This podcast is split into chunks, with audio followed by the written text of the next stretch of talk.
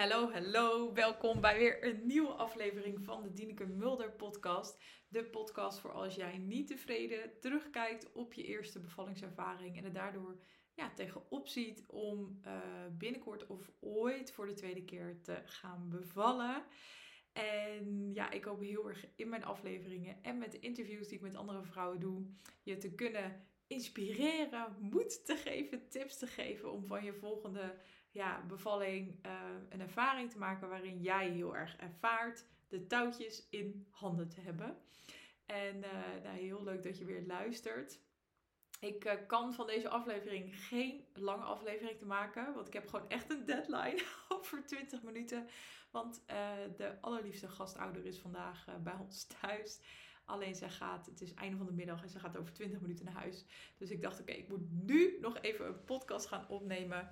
En daarnaast is het misschien ook wel goed dat het een korte is, want de aflevering hiervoor was heel lang. Is uiteindelijk, uh, het was een interview met Danielle Peperzak. En uh, die aflevering is bijna twee uur geworden. Dus uh, ik denk dat je misschien nog genoeg andere content hebt hiervoor om na te luisteren. En um, waar ik het vandaag met je over wil hebben. Ik vind het altijd een beetje een rare zin. Oké, wat ik vandaag met je wil bespreken is iets naar aanleiding van de webinars die ik geef. Ik geef uh, inmiddels ja, bijna wekelijks een webinar. En als vrouwen zich inschrijven voor mijn webinar, dan vraag ik ze altijd een soort van ter voorbereiding op het webinar om een vragenlijst in te vullen. Niet een super lange vragenlijst, maar ik vind het gewoon heel fijn om, nou ja, één te zien, oké, wie zit er in de webinar vandaag? Um, ik zie wel, er wordt wel een naam ingevuld, maar verder is het anoniem en ik ga ook niet de antwoorden, zeg maar, delen in het webinar zelf. Het is puur voor mij om mijn webinar steeds beter te maken. Maar het is ook super interessant, want zo leer ik ook ja, eigenlijk de vrouwen kennen die mij volgen, die uh, een webinar van mij volgen. En daar heb ik gewoon heel veel aan. En wat ik er nog, ook nog, het laatste dingetje heel interessant aan vind, is dat uh, ik heb inmiddels echt, nou ja, ik denk wel bijna honderd van dit soort vraaglijsten, zeg maar, sinds ik webinars ben gaan geven um, echt tientallen vragenlijsten voorbij zien komen. En um, ik neem elke vragenlijst door. En wat ik ook doe, is dat ik aantekeningen maak als ik dingen zie. Als ik een soort van patroon begin te ontdekken, een soort van rode draad. Als in dingen die uh, door meerdere vrouwen worden genoemd. En uh, vandaag was ik daar weer eens een beetje mee bezig. En een van de vragen in de vragenlijst was volgens mij de allerlaatste vragenlijst. Daarin vraag ik van wat, um, wat zou je nou het allerliefste willen? Zeg maar, als het helemaal niks zou uitmaken, hoe zou jouw droombevalling er dan uitzien? Zeg maar, wat zijn dan de dingen die jij, de elementen die jij erin wil zien?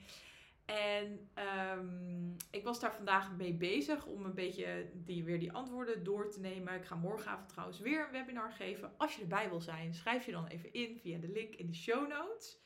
Uh, want even kijken. Uh, morgenavond is het donderdagavond, begint om half acht. Ook als je deze podcast trouwens over een jaar of twee jaar of whatever, vijf jaar luistert, waarschijnlijk, ik ga ervan uit dat ik nog steeds webinars geef. En als je de link nog steeds in de show notes uh, ziet staan, check het dan even, want waarschijnlijk is er gewoon weer een datum voor je, waar je misschien wel uh, bij kan zijn. Um, maar ik was dus weer een aantal van die vragenlijsten aan het doorlezen en ik was eigenlijk de antwoorden aan het vergelijken van dus heel veel vrouwen op die specifieke vraag. Dus wat is jouw, ja, noem het even, wat is je, wat is je verlangen? Wat gun je jezelf? Wat zou je het allerliefste willen voor die tweede bevalling? En um, ik was dat zo eens aan het opschrijven, zeg maar. Dus een soort van, uh, ik had gewoon één vel waar ik al die antwoorden aan het opschrijven was. Omdat ik heel benieuwd was of ik daar dus overeenkomsten in zou vinden. En of vrouwen dus dezelfde antwoorden geven. En dat is dus zo. Dus ik dacht, dit vind ik wel leuk om eens te delen in een podcastaflevering. Ook omdat ik denk dat er weer, ook weer een diepere laag onder zit. Maar er zijn, ik heb eigenlijk een soort van top 3 gemaakt. De top 3 van dingen die ik dus het meest genoemd zie worden. En het grappige is ook dat al het andere wat wordt genoemd heeft eigenlijk ook weer met die drie dingen te maken. Um, misschien begin ik even omdat het een top 3 is met nummer 3 in plaats van nummer 1. Maar nummer 3 uh, die dus heel veel genoemd wordt door vrouwen, is dat ze zeggen: Ik wil het allerliefst geen onnodige interventies, of het liefst geen interventies. Het liefst geen medisch ingrijpen. En uh, wat ik daar heel erg mee te maken vind hebben, is dus dat ook heel veel vrouwen noemden: ik wil gewoon zelf de regie hebben. Want wat denk ik de diepere laag daaronder zit, is dat veel vrouwen waarmee ik werk, die bij mijn webinars zijn, hebben een bevallingservaring gehad, eigenlijk net zoals ik zelf, waarin ze zich totaal overspoeld voelden door het feit dat er zoveel, um, ja, een aantal medische interventies zijn gepleegd. Ja, dat is een beetje een gek woord, maar gepleegd tijdens hun, uh, of die hebben ze ervaren tijdens hun bevalling.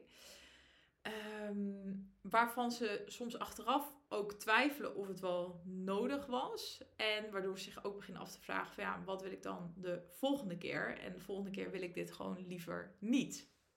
En dat is, wordt ontzettend veel genoemd. Dus het liefst geen interventies, geen medisch ingrijpen en juist zelf heel erg de regie hebben. Dus ik denk ook dat het voor de meeste vrouwen niet zo is dat ze bijvoorbeeld zeggen: Ik wil het absoluut niet, no matter what. Ik denk dat het vooral gaat over: Ik wil zelf de regie hebben en zelf kunnen bepalen.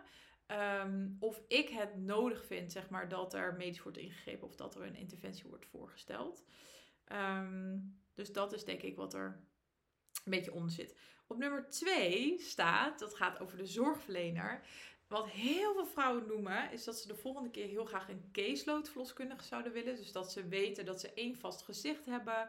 Iemand die je gewoon heel goed leert kennen tijdens de zwangerschap. Caseload verloskundigen doen meestal ook, nou, volgens mij eigenlijk altijd, langere consultes. Bij een grotere verloskundige praktijk heb je zeg maar van die 10 minuten gesprekjes. Terwijl bij een caseload verloskundige heb je echt lange gesprekken. Meestal telkens een uur en leer je elkaar echt heel goed kennen. Uh, dus dat wordt heel veel genoemd. Dus een caseload of een bekende verloskundige, kortom een bekend gezicht. En uh, wat daar denk ik ook bij past, is dus dat je meer continuïteit van zorgverlener hebt. Dus in plaats van, wat dat wordt aan de andere kant ook genoemd, wat vrouwen niet fijn vonden, is dat er constant mensen in en uit liepen, constant andere gezichten. Uh, dat het niet fijn was dat je niet wist wie er uiteindelijk bij je bevalling ging zijn. Dus heel veel behoefte aan een bekend gezicht. En ik denk ook wat daar dus om weer de diepere laag daaronder te pakken, wat ik ook merk in mijn uh, gesprekken met vrouwen, in mijn coachingstrajecten, is um, dat vrouwen het heel lastig vonden om uh, echt zichzelf te zijn, kwetsbaar te durven zijn, zich echt helemaal te uiten als het ware tijdens een bevalling. Omdat ze gewoon niet dat vertrouwen voelden, zich niet uh, verbonden voelde uh, met de zorgverlener die er op dat moment bij was. En als jij al echt een goede band met hem, iemand hebt opgebouwd, veel tijd hebt doorgebracht met de zorgverlener tijdens je zwangerschap, ja, dan helpt dat natuurlijk ontzettend um, in het, um, ja, het kwetsbaar durven zijn en alles durven uitspreken wat jij op dat moment voelt. Dus eerlijk gezegd snap ik deze ook heel goed. Op nummer 1 staat iets over de setting. Wat namelijk ontzettend veel wordt genoemd, is dat vrouwen zeggen: Ik wil rust. Heel veel vrouwen noemen: Ik wil heel graag thuis bevallen dit keer.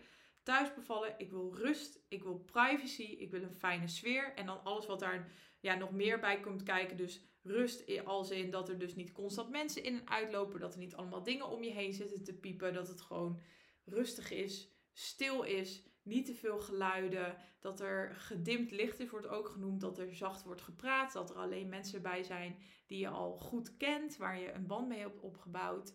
Dus kortom, eigenlijk alle elementen waardoor de oxytocine tijdens je bevalling uh, heel goed kan stromen.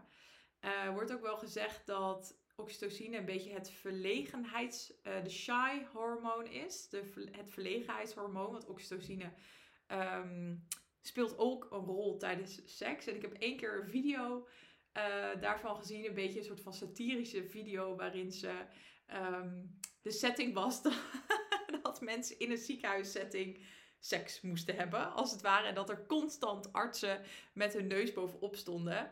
En het is zo'n fantastische video. Misschien, ik ga even kijken of ik hem kan vinden en dan plaats ik hem in de show notes. Maar die video is geniaal, omdat je, zo, omdat je zo wordt geconfronteerd met dat het zo bizar is dat wij een bevalling eigenlijk heel anders zien dan het hebben van seks. Terwijl als we seks hebben, dan willen we dus heel veel privacy. Maar bij een bevalling hebben we met z'n allen geaccepteerd dat het heel normaal is dat er constant mensen met hun neus bovenop staan. Terwijl eigenlijk um, denk ik de meeste vrouwen heel duidelijk voelen van ik heb behoefte aan privacy en niet een dikke TL-lamp op mijn neus. En constant mensen die in en uitlopen, de deur die constant open gaat, mensen die constant naar me aan het staren zijn aan het voeteinde van mijn bed. Dus ook weer denk ik een bevestiging daarvan is dat zoveel vrouwen aangeven van oké, mijn nummer één wens is gewoon het hebben van rust, privacy, een fijne sfeer. Um, dus ik ben ook heel benieuwd als je dit hoort, of het herkenbaar voor je is, of het ook iets is, uh, of deze top 3 ook overeenkomt met jouw eigen top 3. Of er misschien nog dingen zijn waarvan je zegt van ja, maar dit, dit staat juist heel erg in mijn top 3. Um, ehm, ik ga weer even een vraag uh, onder in de show notes zetten waarin je dat kan beantwoorden. Superleuk als je dat invult. Um, vind ik altijd weer leuk om een beetje, want deze podcast is natuurlijk een one-way street. Ik ben aan het praten, maar ik vind het ook heel leuk om reacties te krijgen en input. En nou ja, laat het me weten. Uh, daarnaast kan je me natuurlijk ook altijd een DM sturen via Instagram. Mijn Instagram um, profiel staat ook weer benoemd in de show notes. Dus um, het was een hele korte. Ik ben heel blij dat het gelukt is. want mijn meeste podcasts zijn heel lang. Um, en ik hoop dat het interessant was ook om dit te horen en waarschijnlijk heel herkenbaar voor je. Um, dus ik zou zeggen, thanks for listening en tot de volgende aflevering.